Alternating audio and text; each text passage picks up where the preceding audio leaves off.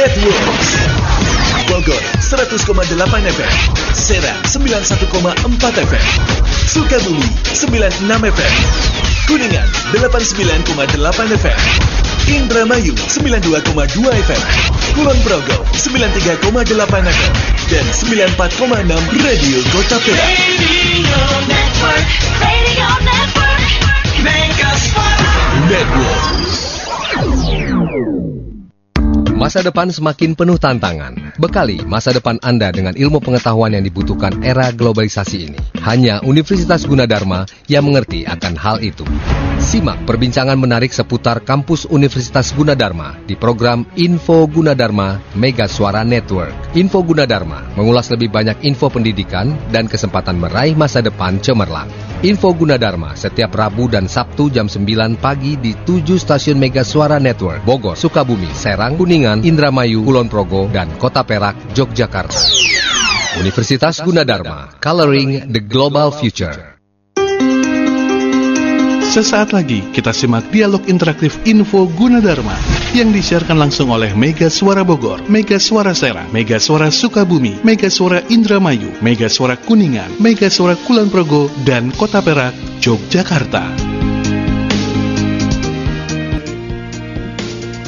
Selamat pagi sahabat Mega Suara di mana pun Anda berada dan juga kawan kota Perak serta Sanaka dan Kulon Progo kembali kita berjumpa di Informa Gunadarma untuk hari ini. Mudah-mudahan Anda semuanya uh, pada sehat semua ya. Tetap sehat dan tetap jaga kesehatan, tetap untuk memperhatikan selalu uh, protokol kesehatan di mana Anda berada. Kita akan kembali berbincang-bincang seputar uh, Universitas Gunadarma hari ini dan uh, tentu saja dengan narasumber yang uh, sudah hadir di studio saat ini. Dan untuk hari ini kita akan uh, bersama narasumber kita yaitu Ibu Dr. Ernianti Hasibuan Eskom MSc. Beliau adalah selain uh, pengajar di Universitas Gunadarma juga merupakan uh, narasumber ini adalah pembina UG IBC atau uh, IBC ini adalah Inkubator Business Center Universitas Gunadarma ya. Dan tentu saja kita juga akan membicarakan atau berbincang seputar ini bagaimana siswa atau mahasiswa ini harus mempersiapkan diri dengan tren karir terbaru yang bakal booming setelah new normal. Selamat pagi Bu Anti ya. Iya, Akrabnya kalau di kampus Bu Anti ya. Betul sekali. Iya. Gimana kabarnya sehat Bu? Ah, syukurlah ya masih sehat ya masih dikasih sehat. Terima kasih. Pertanyaan yang sekarang paling ngetren ya udah masih sehat nggak Bu? Gitu. Itu masalahnya kan kita eh, seperti ini kondisinya. Betul ya. Selalu doakan agar sehat semuanya ya. Betul setuju. setuju. Baik Bu. Ya ini eh, sehari-hari Ibu eh, di apa namanya sebelum kita lebih jauh berbincang masalah ini mungkin ingin lebih tahu juga tentang eh, Bu Anti ini seperti apa. iya karena sosok ini harus dikenal dulu sebelum kita lebih akrab lagi ngobrol ya. Oh iya baik Iya. Mas. Eh, Iya, eh, mungkin kalau the mahasiswa kenalnya saya di Bu Anti itu yang ngajar pasti di eh, karena kebetulan latar belakang saya adalah eh, informatik ya, jadi Hmm. ngajarnya juga di bidang itu gitu di sistem informasi dan Iya. kadang-kadang di teknik informatik juga. Eh, lalu kegiatan tambahnya atau kepercayaan tambahnya yaitu saya memang membina eh, mahasiswa dan eh, fresh graduate itu lulusan yang baru biasanya Hmm. untuk beraktivitas di incubator business centernya Gunadarma. Hmm. Ah, gitu sih Mas kira-kira untuk kegiatan sehari-harinya. Meskipun masih banyak kegiatan lain seperti penelitian dan lain sebagainya ya, eh, itu kan wajib ya kalau dosen pasti punya tridharma itu. Iya. Semuanya wajib kita lakukan tapi eh, core-nya itu tadi saya mengajar di bidang eh, informatik dan di IBC. Iya iya iya, baik. Eh, biasanya jebolan Gunadarma juga banyak ya? Enggak. Eh, ya kebetulan Iya, kebetulan saya eh, lulusan Gunadarma angkatan tahun berapa itu ya? Iya, iya, iya. angkatan dulu banget lah. Iya. Eh, S1 saya Gunadarma, Iya. kemudian saya eh, berkesempatan untuk eh, belajar di luar. Saya Hmm. di London waktu itu saya ambil MSc saya di sana Hmm. untuk bidang eh, khusus sama di informatik juga, cuman khusus di Human Computer Interaction atau di sini eh, HCI atau IMK kalau anak-anak mahasiswa bilangnya. Kemudian saya sempat juga ngambil eh, S3, program S3 di eh, agak jauh nih Mas di Jerman. Cuman ada Hmm. satu dan lain hal yang membuat saya nyangkut gitu di Iya, iya. sana. Kemudian akhirnya saya melanjutkan lagi di Gunadarma untuk doktor saya gitu. Iya baik, sukses ya Bu ya. Baik kita bicara masalah ini dulu Bu, eh, yang Ibu bidang ini selain eh, mengajar ya tentunya. Nah, Ini ada IBC ini, Eh, apa namanya inkubator bisnis yang merupakan ini unit pembina mahasiswa dan eh, fresh graduate untuk mengenal dunia kerja melalui utamanya yaitu eh, entrepreneurship, meski tidak menutup kemungkinan ada yang kerja di eh, uni industri juga. Betul. Bisa dijelaskan Bu ini eh, perannya, fungsinya dan semuanya? Jadi gini mas, eh, mahasiswa sekarang itu dari dari pihak kampus ya, Hmm. itu berpikir bahwa eh, biar bagaimana yang namanya mahasiswa itu nggak sama kepalanya.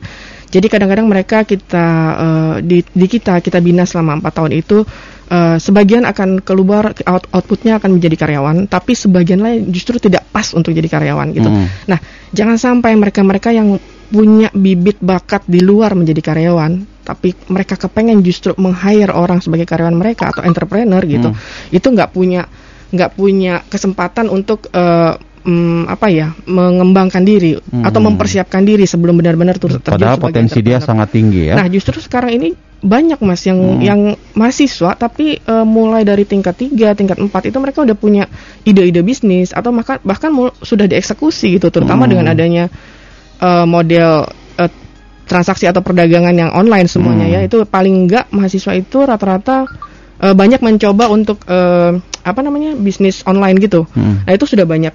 Cuman juga banyak yang eh, kemudian kepengen serius lebih serius di di kegiatan online itu ataupun yang tidak online, sehingga biar bagaimana kami dari pihak kampus perlu mengarahkan mereka, Hmm. setidaknya mempersiapkan eh, base-nya dulu lah gitu, base knowledge-nya, kemudian mempersiapkan environment mereka supaya mereka kalaupun kepleset nggak jatuh-jatuh banget, karena entrepreneur itu nggak mudah mas. Iya, iya. Itu dua tahun pertama berdarah-darah istilahnya gitu lah ya. Iya, Nah, jungkir balik dulu ya. Betul. Nah, jangan sampai di dua tahun itu mereka frustasi, padahal bakat mereka di situ. Gitu Iya, sih iya. itu harapannya kenapa ada inkubator bisnis itu. Jadi eh, sahabat Mega Suara, kawan Kota Perak dan juga Senaka dan Kulon Progo, ini ada ternyata yang disiapkan oleh Gunadarma tidak hanya seputar eh, perkuliahan, namun juga pasca kuliah atau pasca lulus ini juga ada eh, apa namanya eh, lembaga yang memang mengawal, mendampingi dan tentu saja menjaga ini eh, apa alu apa lulusan-lulusannya ini untuk terus berkembang ya.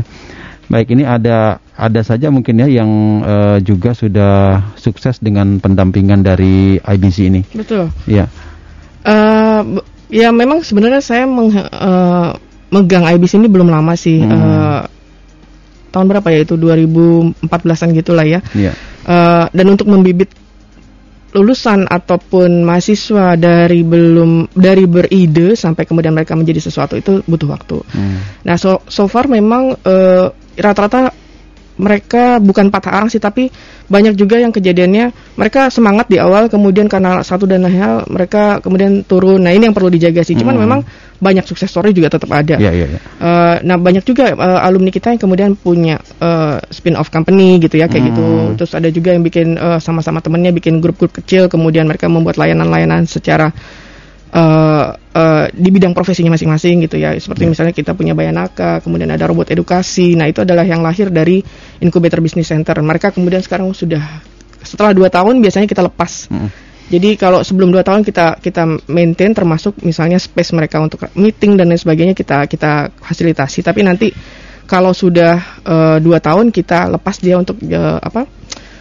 Untuk bisa di luar gitu se- selayaknya company lah gitu. Oh, ya. iya, iya, Nah, itu seperti itu. Dan itu Baik. sudah cukup banyak sih mas yang yang Iya. yang merintis seperti itu. Iya, artinya eh, jangan khawatir nanti ada ada pendampingan juga nih untuk apa namanya teman-teman yang mungkin nanti ketika lulus kemudian akan masuk ke dunia eh, entrepreneurship dan sebagainya. Silahkan ya. Nah ini eh, apakah new normal ini akan mempengaruhi mahasiswa dalam mempersiapkan diri masuk ke dunia kerja nanti nih? Soalnya kan ada beberapa tren dan juga memang pergeseran-pergeseran perilaku, pergeseran-pergeseran teknologi dan sebagainya. Hmm, iya Iya. setuju. Iya. Eh, mau nggak mau sih mas ya. Bagaimana bagaimana kita udah setahun ini terasa ya. Iya. eh, mahasiswa aja gitu. Mahasiswa kita tidak ada perkuliahan yang eh, luring lagi. Artinya semuanya online atau daring. Hmm. Eh, jadi mahasiswa relatif eh, mengerjakan tugas ber mm, teamwork ataupun eh, presentasi itu semuanya kita lakukan secara online dan ini sudah setahun. Eh, sampai saat ini kita masih mengikuti eh, apa arahan dari pemerintah bahwa untuk semester depan kita melihat dulu ya kemungkinan untuk eh, bisa eh, kembali luring atau tidak gitu. Ya. Tapi artinya selama setahun ini sudah terbina kebiasaan seperti itu. Tentunya ini membuat mereka punya habit baru gitu ya. Hmm. Punya habit baru dan kemampuan baru tentunya. Di mana mereka jadi bisa meeting bareng-bareng s- eh, tatap muka melalui virtual. Kemudian tahu bagaimana eh, eh, teamwork dengan menggunakan satu whiteboard yang sama, mereka menggunakan Jamboard dan lain sebagainya. Tools-tools yang memang bisa dipakai untuk sama-sama bareng-bareng nulis gitu mas Iya. secara online. Dan itu merupakan sa- saya rasa itu merupakan satu apa ya tambahan skill buat mereka sehingga mereka nantinya tentunya diharapkan kan kita kita udah satu tahun nih mas kalau misalnya Iya. di dunia bisnis pun akan terlihat gitu bahwa oh satu tahun nih ternyata orang bisa nih berbisnis Iya, iya. dengan cara seperti ini. Nah harapannya adalah ketika mahasiswa terbiasa pula mengikuti eh, model seperti itu, ketika mereka nanti keluar sebagai lulusan mereka akan lebih mudah gitu beradaptasi dengan dunia kerja yang tentunya punya tuntutan baru ya kemampuan untuk melakukan segala sesuatunya secara online Iya. gitu yang mungkin juga nggak mudah di awalnya tapi saya rasa mahasiswa kita bisa melakukan itu. Iya.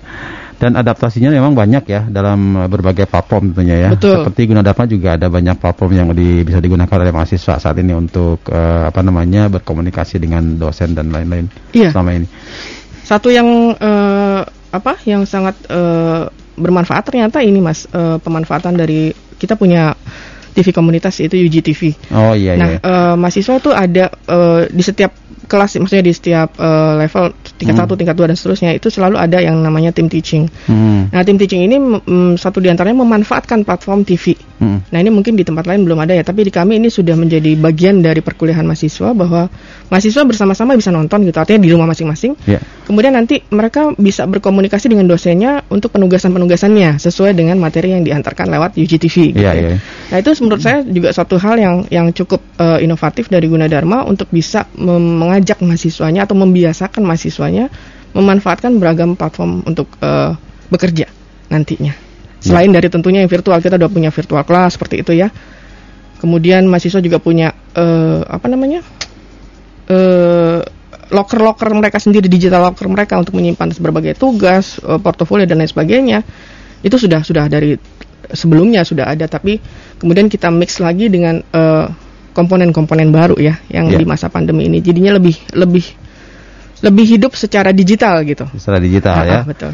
Oke, kalau ada memang kelebihan biasanya Bu nih eh, ini eh, berkembang nih bahwa ketika ada kelebihan dari kuliah perkuliahan daring ini tapi pasti ada celah kelemahan juga nih yang dialami oleh eh, mahasiswa atau apa. Kadang-kadang eh, mahasiswa dengan dosen kan tidak saling tahu secara langsung. Iya, betul. Nah, ini pengalaman Ibu aja nih, sharing aja. Ada hal-hal yang memang dimanfaatkan oleh mahasiswa yang notabene mungkin eh, apa namanya ya, ya asal ha- hadir absen saja. Seperti Eh. apa nih Bu menghadapi situasi seperti ini? Iya. Di- kita nggak bisa menyamaratakan kepala ya mas Iya, ya. iya. Eh, kita punya misalnya 35 mahasiswa, nggak Hmm. mungkin juga mereka semuanya eh, a great eh, motivated students gitu ya, Iya, nggak iya. juga. Ya satu dua atau eh, saya rasa dalam batas wajar adalah gitu ya. Mereka yang kadang eh, nggak aktif atau kadang cuman muncul di depan, kemudian nanti di tengah-tengah masa kita kan biasa pakai eh, meet ya, meet eh, online Hmm. gitu ya, entah pakai zoom atau Gmeet gitu. Nah, eh, ini tinggal pinter-pinternya kita sih sebagai dosen. Iya, iya, Bagaimana iya. kita bisa mengajak mereka untuk aktif bersama-sama, tetap keep up di dalam jam perkuliahan itu. Eh, nah, memang tentunya kita harus tahu nih misalnya, kalau kayak saya, saya pribadi saya memakai misalnya absensi itu nggak saya umbar begitu aja, tapi saya Ah. saya mengharuskan mereka masuk dulu ya. kemudian nanti mengisi suatu form. Lalu saya Hmm. juga punya ads-on atau aplikasi tambahan untuk memantau mereka. Jadi saya bilang, "Eh, saya tahu loh yang tadi masuk di depan, terus kemudian blank di tengahnya itu saya tahu karena saya absennya lengkap per menit gitu Iya, loh. iya. Nah itu otomatis saya nggak ngabsen sendiri itu Iya, otomatis iya. pakai ads-on. Nah artinya memang mm, dosen perlu kreatif dari satu sisi alat bantu, tapi Betul. kemudian juga kemampuan kita ngajak mereka untuk terlibat di dalam perkuliahan secara menyeluruh gitu, bukan Hmm. cuman kita ngomong terus gitu nggak gitu juga tapi misalnya ya berdiskusi sebagaimana Iya, iya, layaknya iya. kita di kelas gitu ya. Memang butuh pembiasaan sih Mas. Cuman ya dosen haruslah gitu ya, harus Iya. ke- sama kreatifnya sama, Sama mahasiswa. Jangan-jangan mahasiswanya kreatif dia off, off cam terus ya, padahal Iya, dia tiduran. gitu kan. Nah, itu juga kita saya mendadak eh, saya panggil Mas A gitu tuh Mas Ali tolong eh, on cam dulu saya mau nanya nih saya mau diskusi masa diskusi nggak nggak Iya. tatap muka gitu Hmm. jadi saya suka tembak-tembakin istilahnya gitu ya di acak ya, random. betul random dan itu sembari sembari ngelihat mereka standby atau enggak ya Iya. kita harus maklum kalau misalnya tampangnya atau dia lagi meluk guling gitu ya. atau tampangnya belum mandi gitu Iya. ya ya part of the game lah gitu Iya, iya. istilahnya ya ya begitulah Mas suka dukanya gitu Ya, jadi ini bagian dari dinamikanya memang Betul. begitu ya bahwa celah-celahnya ada seperti itu dan Betul. ya memang ini kebiasaan-kebiasaan baru juga sebenarnya dan pembiasaan dan kebiasaan baru. betul Oke, eh, baik kita nanti masih banyak yang ingin kita obrolkan nih Bu ya, sebelumnya karena ini banyak banget yang akan kita tanyakan. Tapi ini sebelum kita break dulu, nih saya ingin tahu juga. Nah ini bagaimana kampus ini berperan dalam meningkatkan kesiapan mahasiswa ini di kampus secara keseluruhan dalam pola kegiatan yang normal ini. Eh, secara fisik saja kita di kampus itu saya memang beberapa kali eh, masih harus hadir ke kampus ya untuk Hmm. beberapa kegiatan. Eh, itu beberapa perangkat penunjang untuk eh, prokes itu sudah disiapkan di setiap lokasi kampus gitu ya. Mm-mm. Eh, tapi yang terpenting tentunya memang menyiapkan eh, kebiasaan mahasiswa untuk itu. Kita juga punya satgas COVID yang aktif di tiap kampus gitu ya. Mereka tetap memantau meskipun kita tidak ada perkuliahan dari eh, luring ya Mas ya. Ya. Semuanya masih daring, tapi kan kadang ada keperluan-keperluan tertentu misalnya mahasiswa harus eh, tanda tangan sesuatu dengan dosen terakhir atau apa gitu mau sebelum mereka lulus atau Mm. Ngambil berkas atau segala macam mereka tetap datang. Nah, itu kita tetap harus mensosialisasikan tentang prokes ini dan segala macam yang terkait menjaga kesehatan bersama. Tapi juga di sisi lain secara sistem semua unit harus menyiapkan diri untuk bisa eh, porting ke di- online gitu. Jadi kayak surat menyurat itu sudah nggak ada yang eh, harus datang dan ketemu itu udah nggak ada. Semua relatif melalui online. Ya. Kalaupun misalnya membutuhkan misal cap basah atau tanda tangan basah, ya nanti tinggal diambil aja Mm. dan itu meminimalkan eh, tentunya itu ya langsung bertatap muka gitu seperti itu.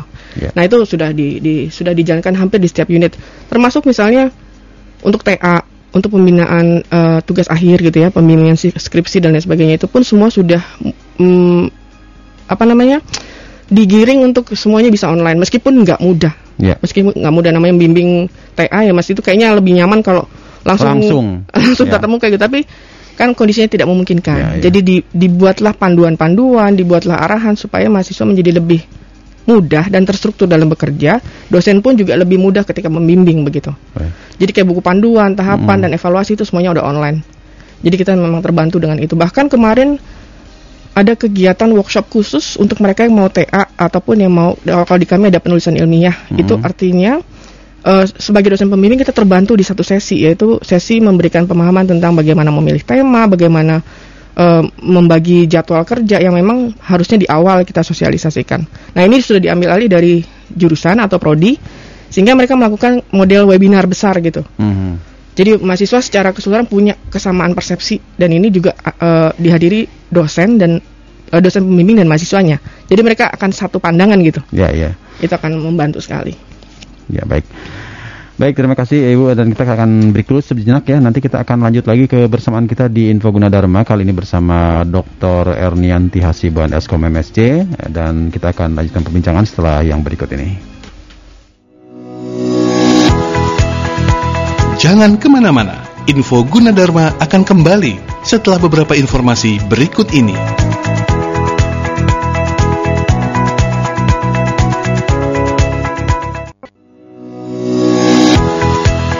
Kita kembali di info Gunadarma. Sahabat Mega Suara, kawan Kota Perak dan eh, Sanaka dan Kulon Progo kita masih bersama dan kembali eh, bersama narasumber kita kali ini Bu Anti ya, lengkapnya Dr. Ernianti Hasibuan Eskom MSC. Kita Bu Anti, kita lanjut lagi. Tadi eh, ini terkait dengan standar kompetensi ini. Iya. Kompetensi ini kan eh, ada SKKNI, SKKNI ya, Betul. Standar Kompetensi Kerja Nasional Indonesia sekarang ini. Betul. Nah, ini kan kaitannya pasti dengan eh, kurikulum. Jadi kalau kita langkah mundur kan untuk mempersiapkan itu eh, pasti akan ada langkah-langkah yang dilakukan oleh kampus ya. Betul. Bisa dijelaskan, Bu? Ya, eh, terkait dengan apa ya namanya itu salah satu peraturan pemerintah sebenarnya saya lupa nomornya tapi kalau nggak salah Permen nomor 44 itu tentang diperlukannya eh, lembar tambahan selain Ya. dari ijazah nantinya mahasiswa diharapkan punya yang namanya eh, lembar pendamping itu di mana kompetensi mahasiswa semua bisa di di state gitu ya di, dibuktikan hitam di atas putih dan itu teruji eh, sesuai dengan standar nasional. Ya. Nah, tentunya untuk sampai ke sana eh, Gunadarma juga sudah bersiap gitu dari tahun saya lupa, 2017 kalau nggak salah ya. Nah, itu eh, kita punya yang namanya LSP. Nah, Hmm. LSP ini mempersiapkan eh, bagaimana eh, kurikulum ki- kita bisa mengadopsi atau mempersiapkan mahasiswa untuk punya muatan-muatan yang akan nantinya diujikan di kompetensi. Kemudian eh, dalam pelaksanaannya juga nanti mahasiswa itu akan ditambahkan eh, ada satu eh, kegiatan atau program dari Gunadarma yang mempersiapkan Hmm. mahasiswa untuk bisa mereview lagi dari apa yang sudah diikuti dalam SKS, kemudian direview untuk persiapan menuju ke eh, ujian kompetensinya. Jadi diharapkan nanti mahasiswa misalnya dari eh, jurusan komunikasi gitu, Hmm. nanti mereka akan punya beberapa kompetensi di antaranya misalnya fotografi muda dan fotografi media misalnya seperti itu. Iya. Sehingga bukan cuman teori mereka siap, tapi juga secara praktek mereka eh, siap untuk terjun ke- secara profesional. Iya. Nah, ini eh, tentunya yang ngajar juga atau yang memberikan muatan-muatan itu juga kita ga- cari dosen yang memang punya background di profesi itu. Mhm. Nah, jadi benar-benar mahasiswa itu eh, bisa ngerasain atau terus mempersiapkan diri untuk itu, untuk kom- ujian kompetensinya, baik hard skill maupun soft skillnya, baik eh, teori maupun prakteknya. Iya. Jadi diharapkan pas ujian ya udah siap gitu lah, ya. Jadi emang ada lembaga sertifikasi profesi ya itu kan? Betul, karena karena benar awalnya sih kalau nggak salah ini eh, pencanangan MEA waktu itu ya.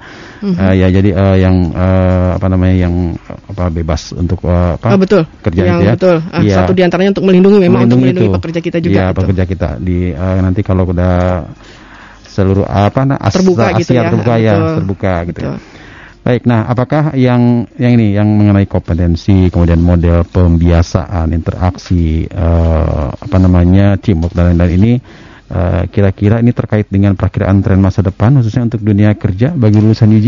Eh, iya pasti mas. Eh, Hmm. Itu tadi sudah saya sebutkan di bagian pertama ya tadi yang sebelumnya tentang Hmm. eh, bagaimana sih Gunadarma mencoba membiasakan mereka, membiasakan mahasiswa untuk eh, keep up dengan tools atau alat bantu ataupun media atau platform untuk Hmm. mereka bisa bekerja sama, bisa berdiskusi, Hmm. berkomunikasi. Nah, tapi tentunya kita juga mem- menyampaikan beberapa hal atau artinya menggiring mereka menyadari beberapa hal di antaranya misalnya bagaimana sih kemungkinannya eh, situasi kerja baru nanti di new new normal gitu ya. Iya.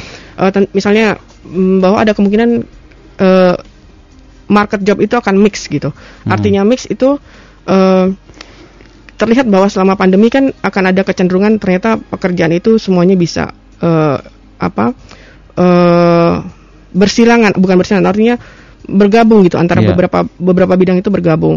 Tapi kemudian juga kita juga bisa meng-highlight ada beberapa bidang atau beberapa jenis pekerjaan yang kemudian menjadi eh, shifting gitu posisinya menjadi lebih priority sekarang atau mungkin nanti ke depannya menjadi lebih eh, diprioritaskan misalnya eh, kita lihat sendiri karena pandemi tentunya kesehatan misalnya akan leading gitu dia di, Iya, iya. di tren pekerjaan di depan kemudian IT karena semuanya akan berbasis IT maka dia akan leading juga nanti di di future work itu. Kemudian logistik juga masuk di situ. Iya. nah mungkin kalau di beberapa hasil survei di luar gitu mungkin uh, ada kecenderungan agriculture turun. Tapi justru kalau menurut saya di Indonesia itu akan sangat diperlukan karena eh, terutama karena mungkin kalau logistiknya nanti kita harus mm, menyesuaikan dengan harus serba aman dan lain sebagainya maka lokasi-lokasi atau lokal-lokal eh, produk itu harus naik. Jadi hasil produk agriculture daerah itu mesti naik untuk bisa mensupport di masing-masing eh, daerahnya itu gitu. Nah artinya bidang-bidang ini juga akan kita butuhkan untuk untuk atau bisa kita lirik untuk eh, mengawali langkah kita di karir. Jadi kalau misalnya buat adik-adik yang mau milih mungkin bisa tuh milih-milih daerah-daerah yang terkait kesehatan Hmm, gitu ya. iya. Kemudian yang IT tentunya finance bisnis tetap jalan semuanya yaitu justru butuh tantangan baru. Kemudian juga logistik, kemudian agriculture juga masuk. Jadi jangan kalau sekarang kan banyak anak-anak ditanya mau jadi petani enggak gitu.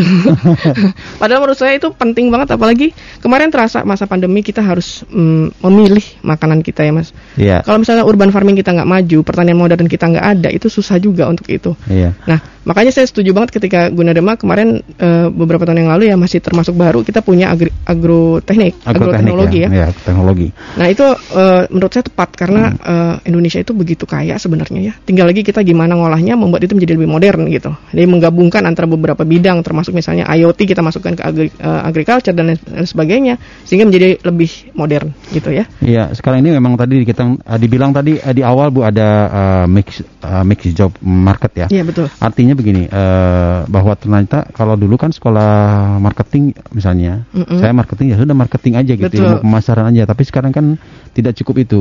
Mar- seorang marketing harus mampu mengoperasikan teknologi, media sosial, kemudian juga perkembangan perkembangan teknologi yang sekarang seperti itu. Iya betul. Artinya begitu ya. Betul. Nah di Gunadarma itu semuanya bahkan sudah di, Hmm. eh, diinisiasi sejak awal. Karena semua prodi, semua program studi di Gunadarma itu kan memang berbasis IT.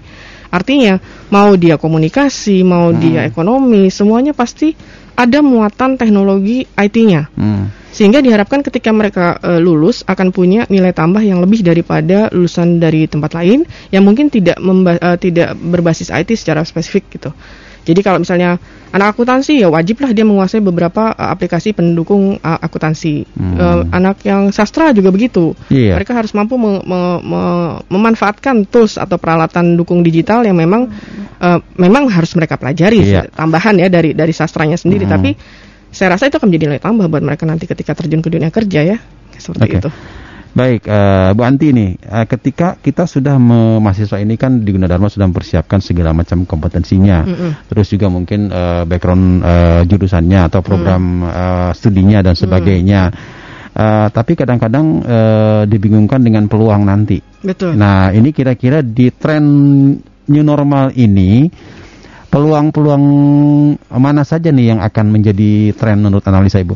Oke, eh, ya kalau menurut analisa saya mungkin enggak kali ya Mas. Ya, ya. Menurut Atau dari sumber-sumber lain lah terpercaya ya. gitu. Atau dari sumber-sumber Eh, terpercaya lah. salah Bu. satu contoh misalnya dari McKinsey ya, McKinsey eh, sudah buat statistik dan survei untuk Hmm. ini, Eh, mungkin bisa menjadi patokan meskipun tidak seluruhnya. Jadi misalnya kalau mereka bilang di McKinsey itu bahwa eh, untuk beberapa negara itu seperti eh, bidang kesehatan, teknologi yang terkait kesehatan, kemudian pekerja-pekerja terkait kesehatan itu akan menjadi eh, prioritas Hmm. utama pekerjaan untuk eh, masa datang. Kemudian juga di sains, teknologi, eh, matematika secara profesional itu juga Hmm. eh, dibutuhkan. Kemudian eh, profesional di bidang kesehatan, misalnya kesehatan masyarakat, bukan dokter ya, tapi lebih kepada kesehatan masyarakat Hmm. seperti itu, itu juga sangat dibutuhkan. Manajer masih tetap dibutuhkan, terutama untuk mengelola model-model baru dari Iya, iya. bisnis ya. Kemudian eh, bisnis dan legal profesional itu juga eh, masih mm, menjadi primadona juga. Kemudian yang ini yang menarik mas, kreatif dan art management. Kreatif eh, art management. Nah, ini karena eh, awalnya mungkin kalau orang tua Hmm. orang tua kita atau orang tua orang tua mahasiswa sekarang itu masih meman- memandang agak sebelah mata dengan bidang ini ya. Apa seni gitu kan? Ah betul. ya gitu. Mau jadi apa gitu kan? Betul, mau makan dari mana nah, gitu itu ya. kan kadang-kadang nah, bahasa itu. Nah, ini tapi perlu dilirik karena Hmm. nantinya eh, karena mungkin karena ada pergeseran media juga ya. Iya, Jadi iya. eh, hampir semua platform yang tadinya tidak digital menjadi digital, Hmm. kemudian banyak bidang-bidang seni yang dibutuhkan untuk mengkomunikasikan suatu message atau Hmm, menyampaikan suatu pesan, berita pesan iya. gitu ya. Jadi eh, bidang arts dan eh, kreatif ini justru akan cukup menonjol karena ini tidak bisa tergantikan juga. Ini eh, sebenarnya selaras dengan yang kalau masih ingat ya isu yang tahun lalu yang revolusi industri 4.0 Iya, iya, iya. yang di mana ada AI, robotics dan lain Betul, sebagainya. betul. Nah, kan kita harus lihat nih mas, bidang apa yang tidak tergantikan dengan itu. Iya, iya, iya. Kalau art itu agak sulit kayaknya digantikan ya, Iya. karena masih ada sense-nya, masih ada bagaimana kepekaan seorang seniman untuk bisa menghasilkan sesuatu. Jadi itu bisa dilirik juga itu. Kalau di Gunadarma mungkin nanti larinya ke komunikasi ya, Komunikasi karena akan menyampaikan pesan dan rasa ya. betul. Karena rasa rasa ingin beli, rasa ingin mem- apa mengetahui itu kan Pas penting. banget itu, Mas. Seniman ya. Betul, Di situ peran. itu. Oke, konten Nah, kreatifnya juga penting. Betul Oke. sekali. Dan Ada lagi? masih ada bidang-bidang lain seperti misalnya kalau dulu mungkin logistik kemudian transportasi itu masih juga Iya. tidak terlalu menjadi uh, Hmm. uh, primadona gitu ya. Iya. Nah kalau sekarang kan coba bayangkan setiap orang itu belanjanya udah online semua, Mhm. bisa pesan dari mana aja. Otomatis kita perlu uh, SDM di logistik. Betul. Nah ya, ini juga mungkin perlu dipertimbangkan bidang-bidang Iya. seperti ini. Nah itu eh, sahabat Megastra dan untuk anda mungkin calon mahasiswa atau juga para bapak dan ibu yang putra-putrinya akan eh, kuliah atau mendaftar eh, untuk ke Gunadarma, ini harus penting juga melirik melirik peluang-peluang ini sehingga prodi-prodi yang dipilih ini adalah prodi yang nanti akan sesuai dengan kebutuhan ya Masa depan masa betul. depan. gitu. Sama satu lagi masih ada di pertanian iya. ini penting. Gimana gimana? Pertanian. Pertanian. Betul, tadi kan sudah singgung ya pertanian karena menurut saya ini penting banget gitu. Kalau kita nggak punya pertanian modern, Iya. kayaknya bakalan susah gitu. Iya, Semuanya iya. akan tergantung dari luar dan itu eh, sayang banget gitu. Nah ini eh, di Gunadarma juga ada tuh agroteknologi gitu ya. Jadi mungkin bisa jadi ya, pilihan betul. juga. Baik, jadi ada banyak jurusan yang bisa dipilih. Silahkan Anda yang mau mengetahui bisa diklik saja di www.gunadarma.ac.id. Termasuk juga pendaftaran di sana sudah bisa pendaftaran online sekarang ya. Ada banyak jurusan yang tentunya bisa dicek. Eh, nanti mungkin Bu Anti juga akan Ya, sampaikan kepada kita ya. saya Baik, eh, sahabat Megasora kita lanjutkan lagi eh, nanti ya setelah beberapa pesan berikut kita akan berbincang lagi mengenai Gunadarma. Tetap bersama di Info Gunadarma. Anda sedang mendengarkan Info Gunadarma di Mega Suara Network, Universitas Gunadarma, Coloring the Global Future. Kita kembali di Info Gunadarma. Ya, sahabat Mega Suara, kawan Kota Perak dan Sanak Kadang Kulon Progo kita masih bersama dan masih ada waktu untuk bincang-bincang lagi bersama narasumber kita yaitu Ibu Anti dari uh, Gunadarma ya. Dan uh, sekarang begini Bu, uh, pendaftaran kan udah udah mulai ya, udah Betul. dari dua bulan yang lalu Betul, sudah dibuka secara online dan sebagainya. Iya. Tapi ini mungkin experience Ibu lebih banyak lah mengenai ini. Kira-kira seperti apa nih sebelum klik pendaftaran, melanjutkan dan sebagainya. Apa strategi yang paling eh, penting dalam eh, saat mendaftar? Iya, eh, untuk adik-adik yang mm, SMA ya, siswa SMA yang mungkin baru selesai ujian, kemudian ini masuk masa persiapan untuk UTBK dan lain sebagainya. Iya.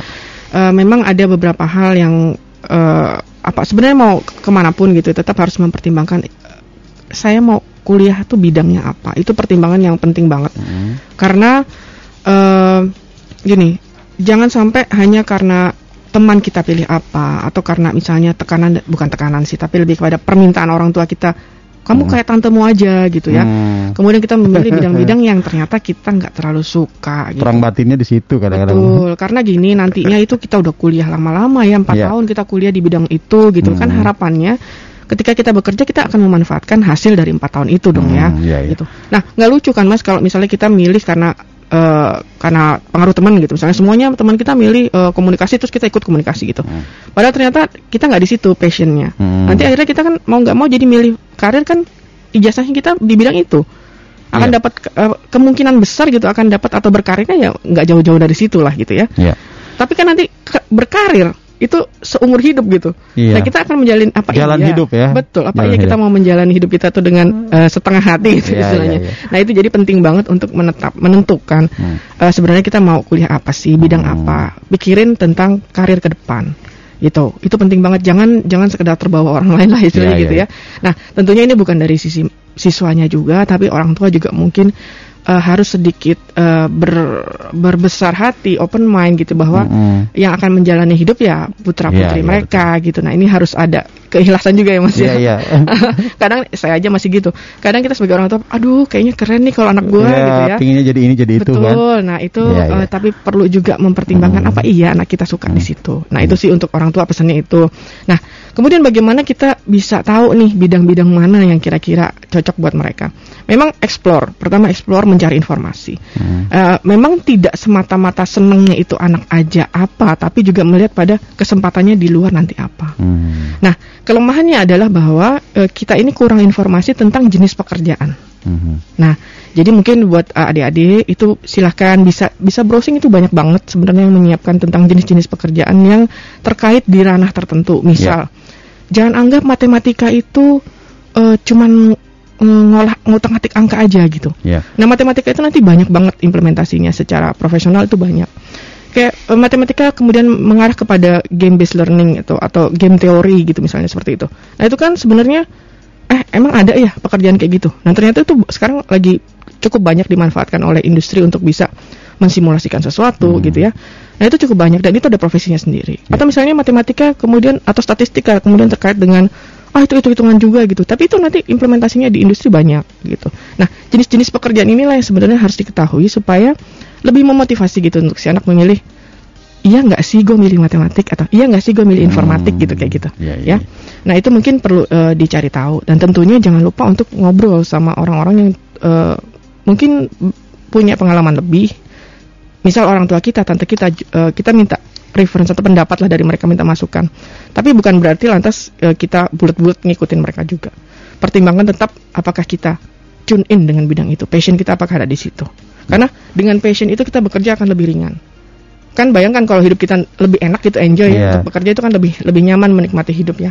Itu satu di antaranya. Nah kemudian kalau di Gunadarma sendiri tentunya informasi ini ada di eh, lamannya Gunadarma ya silahkan bisa dilihat di situ eh, baca baik-baik itu baca pelan-pelan kemudian kita juga eh, coba cari tahu eh, informasi tambahan dari luar tentang eh, bidang-bidang tersebut. Selain dari yang udah di Gunadarma kita sinkronkan dengan yang ada di luar supaya eh, benar-benar yakin gitu bahwa ini bidang yang akan saya Hmm. pilih. Nanti barulah kita masuk ke laman pendaftaran dengan berbekal eh, keyakinan itu Jadi jangan udah masuk terus di sana bingung, saya buru-buru mencet, oh udah bidang ini aja kayaknya semua asal, orang pilih ini. asal pilih, asal pilih ya. Iya betul mas. Hmm. Nah, ah, itu sih yang yang saya wanti-wanti banget ke setiap mahasiswa kalau mm, dulu sebelum pandemi ya kita masih ada eh, tatap muka gitu kalau ada mahasiswa mau tanya macam-macam Bisa kita diarahkan ya, bisa dikasih pengarahan gitu ya. Nah itu yang banyak terjadi adalah mereka eh, ragu untuk memilih Hmm. bidangnya. Nah Oh, ini mungkin iya. yang perlu informasi tambahan. Tapi silahkan itu bisa dicari di laman Gunadarma sudah tersedia. Kemudian bisa langsung nanti habis lihat-lihat informasi tentang eh, pro- program studi kita yang begitu banyak pilihannya ya. Mm-mm. eh, bisa langsung eh, ngeklik ke pendaftaran. Nah nanti di situ akan ada step by stepnya yang bisa diikuti oleh eh, adik-adik semua. Eh, yang penting gini, baca baik-baik. Itu sih pesan Nah saya. ini kadang-kadang eh, klik klik klik toolsnya aja atau tombolnya saja tanpa di sana kan ada keterangan-keterangan yang tidak dibaca. Hati-hati ya. Iya betul. Kendala teknis apa nih yang banyak eh, biasanya harus benar-benar diperhatikan nih Iya. dalam saat pendaftaran dan sebagainya? Pertama itu tadi ya ikutin alurnya. Hmm. Alurnya sudah ada panduannya dan semua Hmm. ada keterangan tahapan demi tahapannya itu sudah ada. Iya. Eh, mulai dari mm, registrasi, kemudian nanti bagaimana membayar, cara bayar formulir, mengisi, melengkapi formulir itu ada semua keterangannya. Tapi yang harus benar-benar jangan sampai salah itu adalah email dan eh, nomor handphone. Nah, Jadi apalagi anak sekarang seneng banget tuh mas ganti-ganti handphone ya, Eh, ganti-ganti nomor maksud saya. ya, gonta-ganti paket yang murah ya. Betul. Ya. Nah, itu harus hati-hati kalau sedang dalam masa mm, milih-milih kampus gitu ya. eh, karena kita akan mengontak ke nomor tersebut. Betul. Dan yang ngontak itu kadang memang secara otomatis sistem, Hmm. bukan orang. Jadi kalau sistem kan nggak pandang bulu ya udah di adanya di dia datanya kayak gitu dilempar ke situ gitu. Karena nanti semua eh, interaksi antara eh, pendaftaran dengan calon pendaftar atau calon mahasiswa itu adalah melalui eh, email dan Telepon. handphone. Yang didatarkan ya. Betul, Jadi yang nomornya terdaftar. harus benar-benar dijaga gitu ya. Iya betul sama dan jangan akunnya. sampai salah. Hmm. Jangan nanti pas ngisi email ternyata emailnya belum ada. Nah itu juga Hmm. sering tuh mas. Eh, ah kayaknya ntar pengen bikin email kayak gini. Padahal kan belum tentu available untuk email itu. Nah Iya, itu iya. harus hati-hati juga. Jangan sampai pakai email yang belum dibikin terus eh, masukin ke eh, apa registrasinya pakai itu karena nggak akan mental pasti kan. Hmm. Nah itu harus hati-hati di situ. Lalu nanti ya tentunya mengikuti tahapan demi tahapan dengan baik. Kemudian eh, biasanya nanti juga eh, mahasiswa tuh kadang masih canggung untuk eh, di bagian pembayaran sih mas. Hmm, ya ya. ya. Karena kita pakai kita sudah pakai eh, tapi jangan khawatir kita sudah pakai virtual account yang kita sertakan bagaimana tahapan demi tahapan melalui berbagai eh, media, entah itu mau ATM, entah itu mau m banking gitu. Itu sudah kita sertakan eh apa ya kayak buku panduannya lah gitu ya. Hmm. Jadi mahasiswa tinggal lihat ke situ aja gitu, ikutin aja. Oh kalau ATM gini caranya. Ntar ada Ya. tahapan demi tahapannya. Ikutin aja itu asal itu tadi baca dulu. Jadi ada manual guidance-nya ya. Betul. Jadi jadi tinggal diperhatikan saja. Nanti secara otomatis akan dikirimkan pada Hmm. saat kita mengirimkan VA-nya atau virtual account-nya gitu. Baik. Terima kasih Bu Anti sudah hadir. Ini jelas sekali dan sahabat Megasora juga semuanya yang mungkin nanti akan mendaftarkan putra putrinya atau juga Anda calon mahasiswa lalu Pak adik sekalian yang akan daftar silahkan perhatikan baik-baik dan baca dengan seksama di www.gunadarma.ac.id. Ya, terima kasih Bu Anti sudah hadir di studio saat ini. Sama-sama Ya, Mas. semoga tetap Ah, sehat ya. Iya, adik-adik SMA juga ya semangat ya untuk Iya. eh, ininya ujian-ujiannya. Amin. Iya, sehat-sehat Hmm. selalu semuanya. Terima kasih demikian sahabat Mega Suara, kawan Kota Perak dan Sanak Kadang Kulon Progo kita sudah berbincang tentang Gunadarma bersama Dr. Ernianti Hasibuan Eskom MSC. Terima kasih atas kebersamaannya dan kita ketemu lagi di lain kesempatan. Baru saja kita simak info Gunadarma yang disiarkan langsung oleh Mega Suara Bogor, Mega Suara Serang, Mega Suara Sukabumi, Mega Suara Indramayu, Mega Suara Kuningan, Mega Suara Kulon Progo, dan Kota Perak, Yogyakarta. Dengarkan terus info Gunadarma di Mega Suara Network setiap hari Rabu dan Sabtu jam 9 pagi. Masa depan semakin penuh tantangan. Bekali masa depan Anda dengan ilmu pengetahuan yang dibutuhkan era globalisasi ini. Hanya Universitas Gunadarma yang mengerti akan hal itu. Simak perbincangan menarik seputar kampus Universitas Gunadarma di program Info Gunadarma Mega Suara Network. Info Gunadarma mengulas lebih banyak info pendidikan dan kesempatan meraih masa depan cemerlang. Info Gunadarma setiap Rabu dan Sabtu jam 9 pagi di 7 stasiun Mega Suara Network, Bogor, Sukabumi, Serang, Kuningan, Indramayu, Kulon Progo, dan Kota Perak, Yogyakarta. Universitas Gunadarma, Coloring the Global Future.